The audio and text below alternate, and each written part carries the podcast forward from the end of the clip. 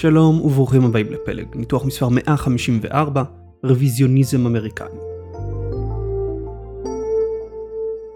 האם ארצות הברית היא מעצמה רוויזיוניסטית?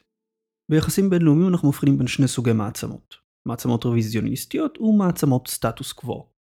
מעצמה רוויזיוניסטית מעוניינת בשינוי הסדר הבינלאומי הקיים משום שהיא לא מרוצה ממנו. יכול להיות שהסדר נכפה עליה, יכול להיות שהיא לא הייתה מעורבת בהקמת הסדר, יכול להיות שהצרכים והאינטרסים שלה השתנו והסדר כבר אינו משרת אותה. תהיה אשר תהיה הסיבה, היא מעוניינת ברוויזיה, בחינה מחדש של הסדר והתאמתו לדרישותיה. לעומתה, מעצמת סטטוס קוו מעוניינת לשמור על הסדר הקיים. אולי הוא משרת את הצרכים והאינטרסים שלה, אולי הוא שומר על העוצמה שלה במערכת הבינלאומית. ההנחה הרווחת בקרב חוקרים במדעי המדינה היא שההגמון, המעצמה המרכזית של סדר קיים, היא גם בהגדרה מעצמת הסטטוס קוו. ההגמון הוא זה שהקים את הסדר ומכאן שהוא בהכרח רוצה לשמור אותו. לדוגמה, ארה"ב היא ההגמון של הסדר הבינלאומי הליברלי. היא הגמון עולמי בכל קנה מידה, היא הכלכלה הגדולה בעולם, מצבה החזק בעולם עם מערכת הבריתות הענפה ביותר. המטבע שלה הוא יחידת הערך העולמית והשווקים הפיננסיים שלה הם הגדולים בעולם. ארה"ב עזרה להקים את הסדר הבינלאומי הליברלי ומכאן, לכאורה, שהיא גם רוצה לשמר אותו. אם אתם מנויים ותיקים של פלג, או שהאזנתם לסדרה פוסט אימפריום במשחק הגדול, אתם יודעים שהסדר הבינלאומי הליברלי הסתיים. פרוטקציוניזם נמצא בעלייה, סנקציות מנתקות בין חלקים במערכת הבינלאומית, מוסדות בינלאומיים הופכים פחות ופחות רלוונטיים. הסדר הבינלאומי הליברלי לא איתנו, וארצות הברית הייתה שותפה להרס שלו. השאלה אם ארצות הברית היא מעצמה רוויזיוניסטית היא חשובה משום המשמעויות שלה לעתיד המערכת הבינלאומית. חיזוי הסיכוי למלחמה תלוי בזהות של המעצמות המובילות בעולם, אם הן מעצמות סטטוס קבועים או לא. למעצמות רוויזיוניסטיות סיכוי גדול יותר לצאת למלחמה כדי להשיג את הסדר הבינלאומי שהן רוצות. אם ארצות הברית היא מעצמה רוויזיוניסטית, הסיכוי למלחמה, כמו גם לשינויים עמוקים בכלכלה העולמית, גדל. בניתוח היום נכיר את הצד הרוויזיוניסטי של ארצות הברית. נבין למה מדובר באיום קיומי עבור סין וננסה לשרטט בקווים כלליים את ההשלכות על הכלכלה העולמית. מאבק פוליטי בארצות הברית בין רישורינג ופרנצ'ורינג, ושימוש גדל במטבעות שאינם הדולר לסחר בינלאומי. הכל בניתוח היום. בואו נתחיל.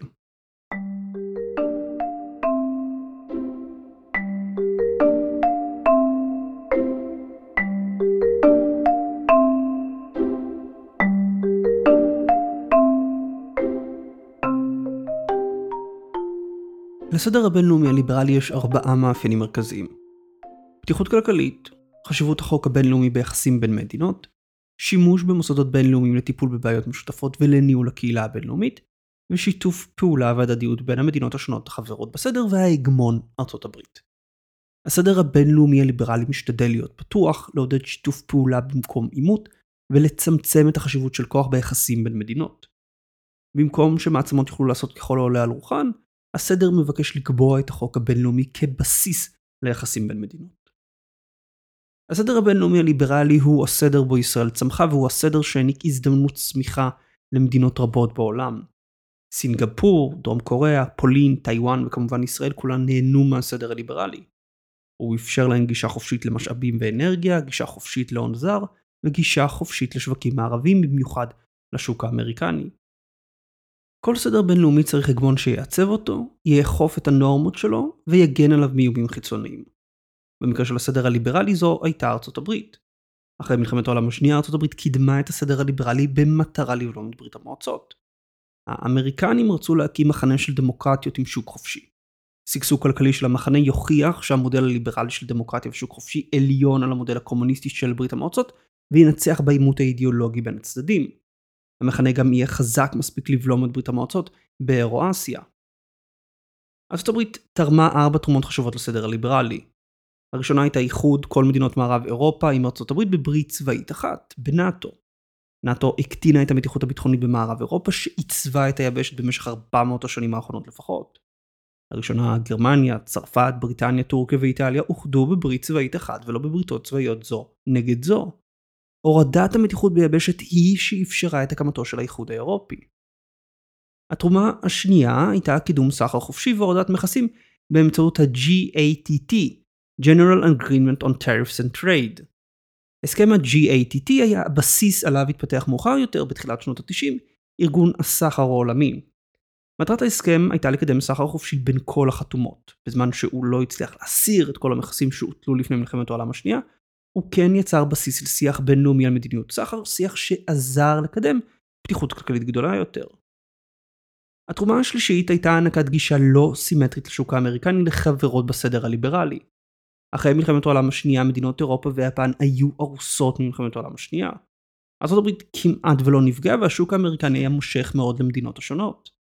האמריקנים החליטו, משיקולים של ביטחון לאומי, לפתוח את השוק האמריקני למדינות אחרות על אף שהן לא יעשו את אותו דבר.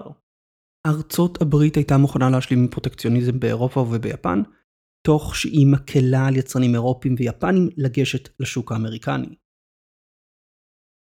התרומה הרביעית הייתה הבטחת אספקה יציבה של נפט וחומרי גלם ליפן ואירופה מבלי שאלו יצטרכו לנהל צי משל עצמן. ארצות הברית הבטיחה את קווי השיט מסביב לאירואסיה ושמרה על יציבות המזרח התיכון.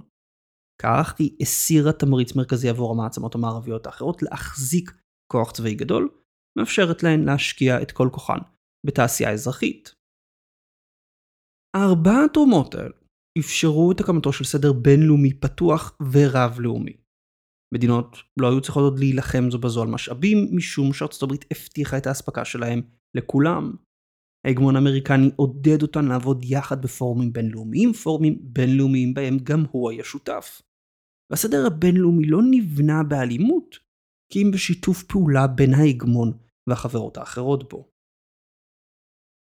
מה קורה לסדר בינלאומי כשההגמון שלו מויס בו? ב-20 השנים האחרונות ראינו את הברית נוקטת בפעולות והתנהגות שמאפיינים מעצמה רוויזיוניסטית, לא מעצמת סטטוס קוו.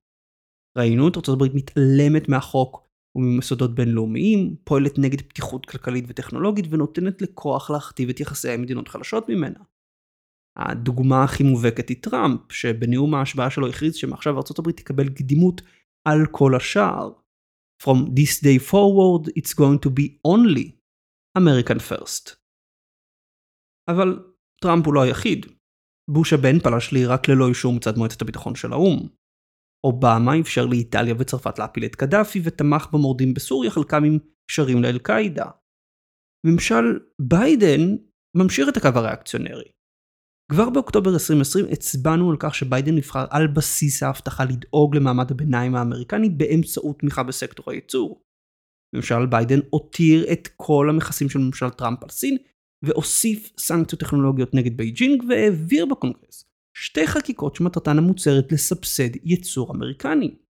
חוק אחד הוא ה-Chips Act שסבסד הקמת מפעלי שבבים בארצות הברית, השני הוא ה-Inflation Reduction Act שסבסד יצרנים אמריקנים בתחום האנרגיות המתחדשות ורכבים חשמליים. ממשל ביידן גם לחץ על הולנד ויפן להצטרף למגבלות הייצוא שהטיל על סין בתחום השבבים. לא זו אף זו, ממשל ביידן גם דחה לחלוטין את היכולת של גופים בינלאומיים להכתיב לארצות הברית מה תהיה מדיניות הסחר שלה. בדצמבר 2022 ארגון הסחר העולמי קבע שארצות הברית צריכה להסיר את המכסים שהטילה על פלדה מסין. וושינגטון הצדיקה את המכסים מטעמי ביטחון לאומי. הארגון דחה את הנימוק. בתגובה, ממשל ביידן הודיע שלארגון הסחר העולמי אין כלל סמכות להכתיב לוושינגטון מה עליה לעשות בנושאים של ביטחון לאומי. כלומר, היה והאמריקנים החליטו שצעד מסוים מוצדק לדעתם משיקולי ביטחון, לארגון הסחר אין סמכות לערער על כך. הפעולות של ממשל ביידן אינן נעשות במחשכים. מעגלי המדיניות בוושינגטון מכירים אותן ומצדיקים אותן. לדוגמה, בעקבות ההכרזה של ממשל ביידן בנוגע לחוסר הסמכות של ארגון הסחר העולמי, פול קרוגמן, כלכלן המזוהה עם המפלגה הדמוקרטית, פרסם מאמר דעה בניו יורק טיימס שכותרתו Why America is Getting Tough on Trade. קרוגמן סוקר את הפעולות של ממשל ביידן נגד סחר חופשי ומצדיק אותן משיקולים של ביטחון לאומי. קרוגמן אינו טראמפיסט והניו יורק טיימס איננו עיתון רפובליקני. הקונצנזוס בארצות הברית תומך במלחמה כלכלית בסין גם אם זה ידרוש לפרק את הסדר הליברלי שארצות הברית בנתה.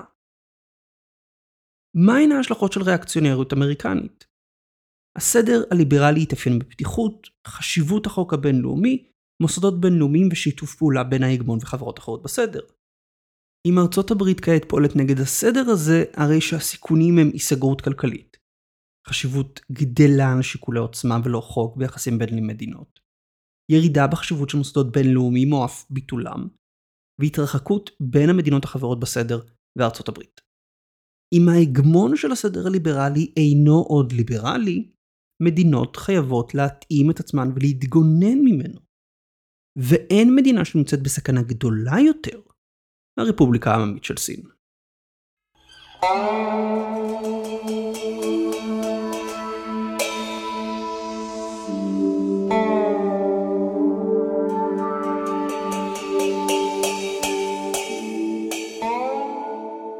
סין היא אחת המרוויחות הגדולות של הסדר הבינלאומי הליברלי, אולי המרוויחה הגדולה ביותר במונחים מוחלטים.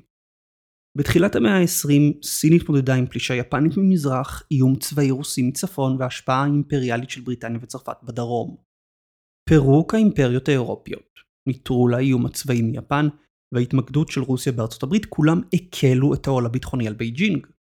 הסדר הליברלי אפשר לסין לראשונה מזה מאה שנים להיות חופשית מכיבוש זר. הסדר הליברלי גם נתן לסין גישה למשאבים וההון שהיו דרושים לצמיחה הכלכלית שלה. נפט וגז טבעי מיובאים מהמפרץ הפרסי שם ארצות הברית שומרת על קווי השיט חופשיים.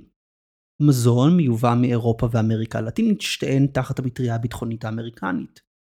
תנועה קלה של הון אפשרה לסין למשוך השקעות אליה ולהפוך למפעל של העולם. וסחר חופשי נתן לסין לייצא בקלות את התוצרת של הצרכנים באירופה וארצות הברית, שני שותפי הסחר הגדולים של בייג'ינג.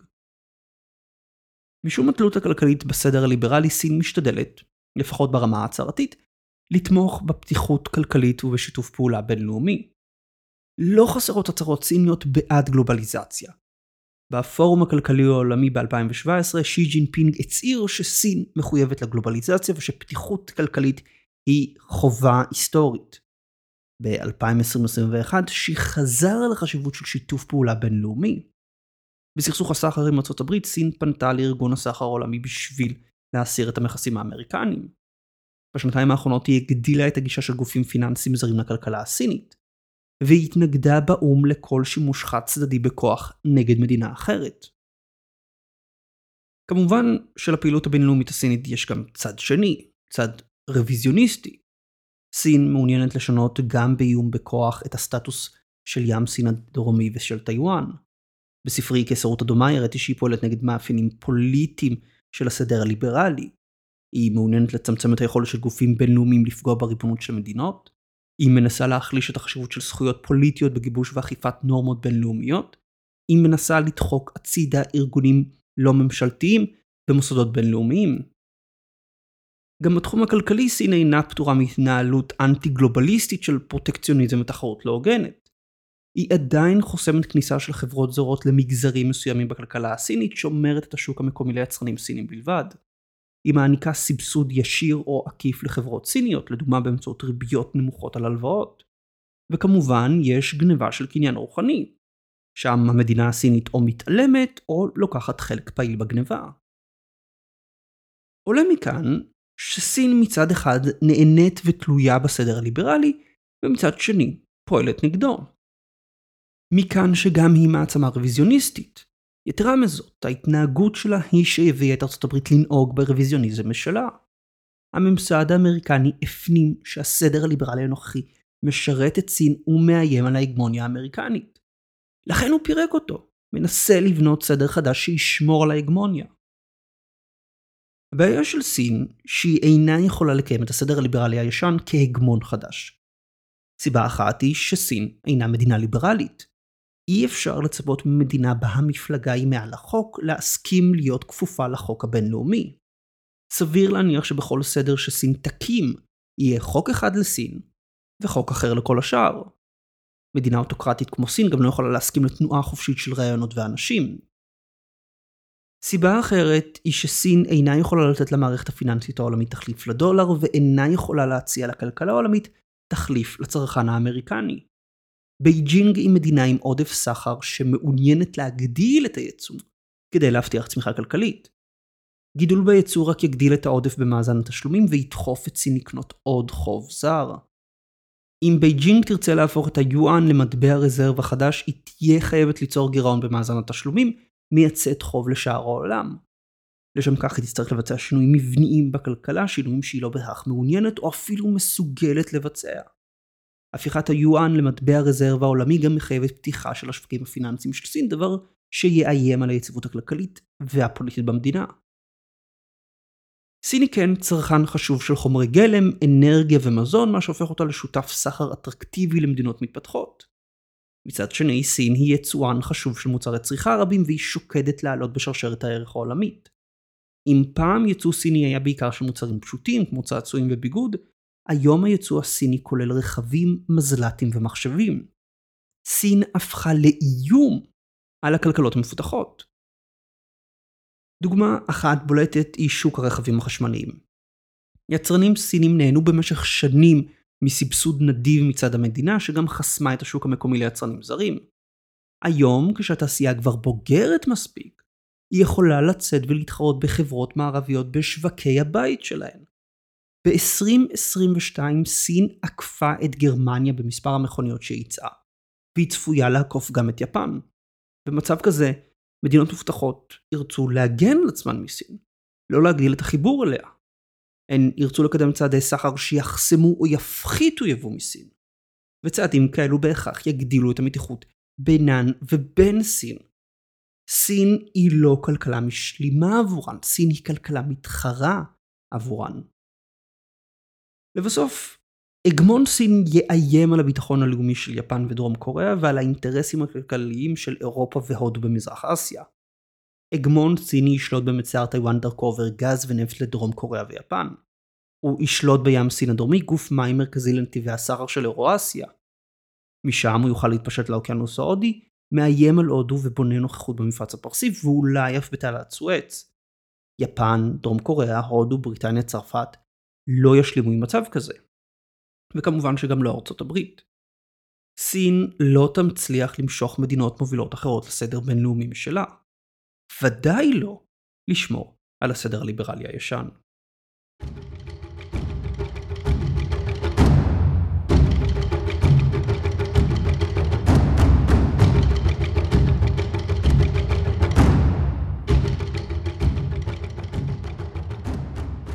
הסוף של סדר בינלאומי הוא תהליך ולא אירוע. כפי שהוא אינו מופיע בבת אחת כך הוא לא נעלם ברגע. ארצות הברית מפרקת את הסדר הליברלי הישן. התהליך התחיל בשנות האלפיים והיו שותפות לו לא רק ארצות הברית אלא גם סין ורוסיה. בייג'ינג אינה יכולה לשנות את המגמה. היא הייתה שמחה לתת לארצות הברית להמשיך לקיים את הסדר בעוד סין מנצלת אותו. אבל ברגע שארצות הברית ויתרה עליו, בייג'ינג אינה יכולה להיות תחליף להגמון האמריקני. מהן ההשלכות של המצב הזה?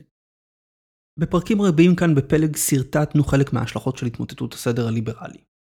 עלייה במתיחות הגיאופוליטית בין המעצמות, עלייה בתדירות של מלחמות, משברים הומניטריים ומשברים כלכליים, ארגון מחדש של שרשרות אספקה גלובליות לפי קווי המתיחות הגיאופוליטית. אני רוצה בניתוח כאן לזכור שתי תוצאות נוספות. הראשונה היא מאבק פוליטי בארצות הברית בין תומכי רישורינג ותומכי friend-shoring. reshoring משמעותו חזרה של שרשרות אספקה לארצות הברית עצמה. friend shoring משמעותה הזזה של שרשרות אספקה מסין למדינות ידידותיות יותר לארצות הברית. friend shoring היא כנראה האסטרטגיה הטובה יותר משום שהיא גם נותנת למדינות אחרות תמריץ להיות ביחסים טובים עם ארצות הברית והיא גם מקטינה את העלויות של הזזת שרשרות האספקה מסין. היא מאפשרת ליצרנים אמריקנים להמשיך ולעבוד במדינות עם עלויות עבודה נמוכות כמו מקסיקו, וייטנאם או הודו. מצד שני, אם סחר חופשי הוא כבר לא יעד, למה לעצור בפרנצ'ורינג? למה לא לדרוש חזרה של משרות ייצור הברית? להוסיף עוד מכסים שיגנו על יצרנים אמריקנים? לנקוט במדיניות פרוטקציוניסטית להגנה על העובד האמריקני? ממשל ביידן עושה כל זאת, אך מתמקד בסין. ממשל טראמפ הטיל מכסים על כולם. יש כאן מתח בין שתי גישות, אחת מוגבלת בהיקפה, אחת אבסולוטית. אפשר והממשלים האמריקנים שיבואו אחרי ביידן ינהלו מדיניות סחר עוד יותר אגרסיבית. לא רק מול סין, אלא מול כל מדינה שתיתפס כאיום או כמי שמנצלת את ארצות הברית. התוצאה השנייה תהיה גידול בשימוש במטבעות מקומיים לסחר בינלאומי. היום הדולר האמריקני הוא לא רק המטבע הדומיננטי בעתודות של בנקים מרכזיים, הוא גם המטבע העיקרי בו נעשה שימוש בסחר בינלאומי. סיבה אחת היא הקלות בה ניתן לקנות ולמכור דולרים. סיבה אחרת היא שארצות הברית היא יעד ייצוא מרכזי של מדינות רבות. הדבר מביא עסקים להשתמש בדולר גם כאשר הם לא סוחרים ישירות עם חברות אמריקניות, אם יעד הייצוא הסופי הוא ארצות הברית. כלומר, אם אני חברה יפנית שמייצאת לווייטנאם, שאחרי זה מייצאת לארצות הברית, אני אעדיף להשתמש בדולר למרות שאני מייצא לווייטנאם, כי בסופו של כל שרשרת הערך מקבלים דולרים בצד של המוכר. מה יכול לשנות את המציאות הזאת? מה יכול להביא מדינות להשתמש יותר במטבעות מקומיים מאשר בדולר האמריקני? גורם אחד אולי תהיה ירידה בייצוא של סחורות לארצות הברית עם עלייה בייצור האמריקני. אם מדינות ייצאו פחות לארצות הברית, הן יצטרכו להפנות את הייצוא למדינות אחרות. זה יחליש את התמריץ להחזיק ולהשתמש בדולר לאורך כל שרשרת האספקה. אם בסוף אני מקבל לדוגמה יואן או אירו, אין לי שום סיבה להחזיק לאורך כל שרשרת האספקה בדולרים. גורם משמעותי יותר אבל הוא החשש מסנקציות כלכליות אמריקניות במיוחד מצד סין. ארה"ב הוכיחה, במיוחד בשנה האחרונה, שהיא מוכנה לחמשת הדולר כדי לפגוע ביריבות שלה. הסינים תלויים בסחר בינלאומי בשביל לייבא מזון, חומרי גלם ואנרגיה ובשביל לייצא את התוצרת שלהם. סחר בינלאומי מבוסס דולר הוא איום ביטחוני פוטנציאלי נגד בייג'ינג שתלויה באותו סחר בינלאומי. משום כך, סין תרצה להגדיל את השימוש במטבעות אחרים כדי להקטין את האפקטיביות של סנקציות אמריקניות. וסין כבר עושה זאת. היא עושה זאת על ידי הקמה של קווי נזילות, swap lines בין הבנק המרכזי של סין ובנקים ממדינות עימן סין סוחרת, לדוגמה עם מונגוליה, אוסטרליה ובריטניה. והיא עושה זאת באמצעות פעילות דיפלומטית להגדלת השימוש במטבעות מקומיים וסחר בין מדינתי. היא במוצהר מעודדת מדינות לסחור זו עם זו ללא הדולר.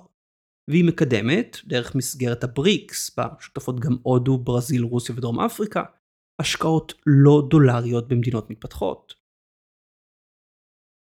גורם נוסף להקטנת השימוש בדולר היא ההתחזקות שלו בשנה האחרונה עקב העלאת הריבית על ידי הפד. כפי שראינו בניתוח מספר 123, העלאת הריבית של הפד מטלטלת את שערי החליפין של מגוון מטבעות מול הדולר האמריקני. עסקים לפתע מצאו עצמם מול סיכון חמור של תנודתיות בשער החליפין. לדוגמה, יצרן ביפן שמייצא לתאילנד ומשתמש בדולרים, ראה מצד אחד את היין עובר פיחות חריף, מה שעיקר את היבוא, וגם הבט התאילנדי עבר פיחות חריף, מה שעיקר את המוצרים שלו עם מחירם נקוב בדולרים. שימוש במטבעות מקומיים יכול להקטין את הסיכון מהמדיניות המוניטרית של ארצות הברית. גורם אחר, גורם נוסף, הוא ההתקדמות בפיתוחים טכנולוגיים שמאפשרים תשלום במטבעות שאינם הדולר בצורה קלה יותר. ה-BIS, מעין מועדון של הבנקים המרכזיים בעולם, שוקד מאז תחילת 2022 על תשתית שתאפשר להשתמש במטבעות דיגיטליים של בנקים מרכזיים בשביל סחר בין מדינתי. תשתית כזאת תאפשר העברת תשלומים בזמן אמת בין מדינות, מציעה עלות נמוכה ונוחות למשתמשים. בנקים מרכזיים כבר עורכים ניסויים בארכיטקטורות שונות בהנחיית ה-BIS. אם לעסקים יהיה קל יותר להשתמש במטבעות שאינם הדולר, הגורמים האחרים יהיו בעלי כוח גדול יותר לדחוף אותם לעבור למטבעות מקומיים. זה לא יהיה הסוף של ההגמוניה הדולרית. הדולר עדיין יהיה פופולרי כמטבע רזרבה. אך זה בהחלט יקטין את ההשפעה של סנקציות אמריקניות, ויכול לפתוח הזדמנויות חדשות לתעשיית הפינטק העולמית.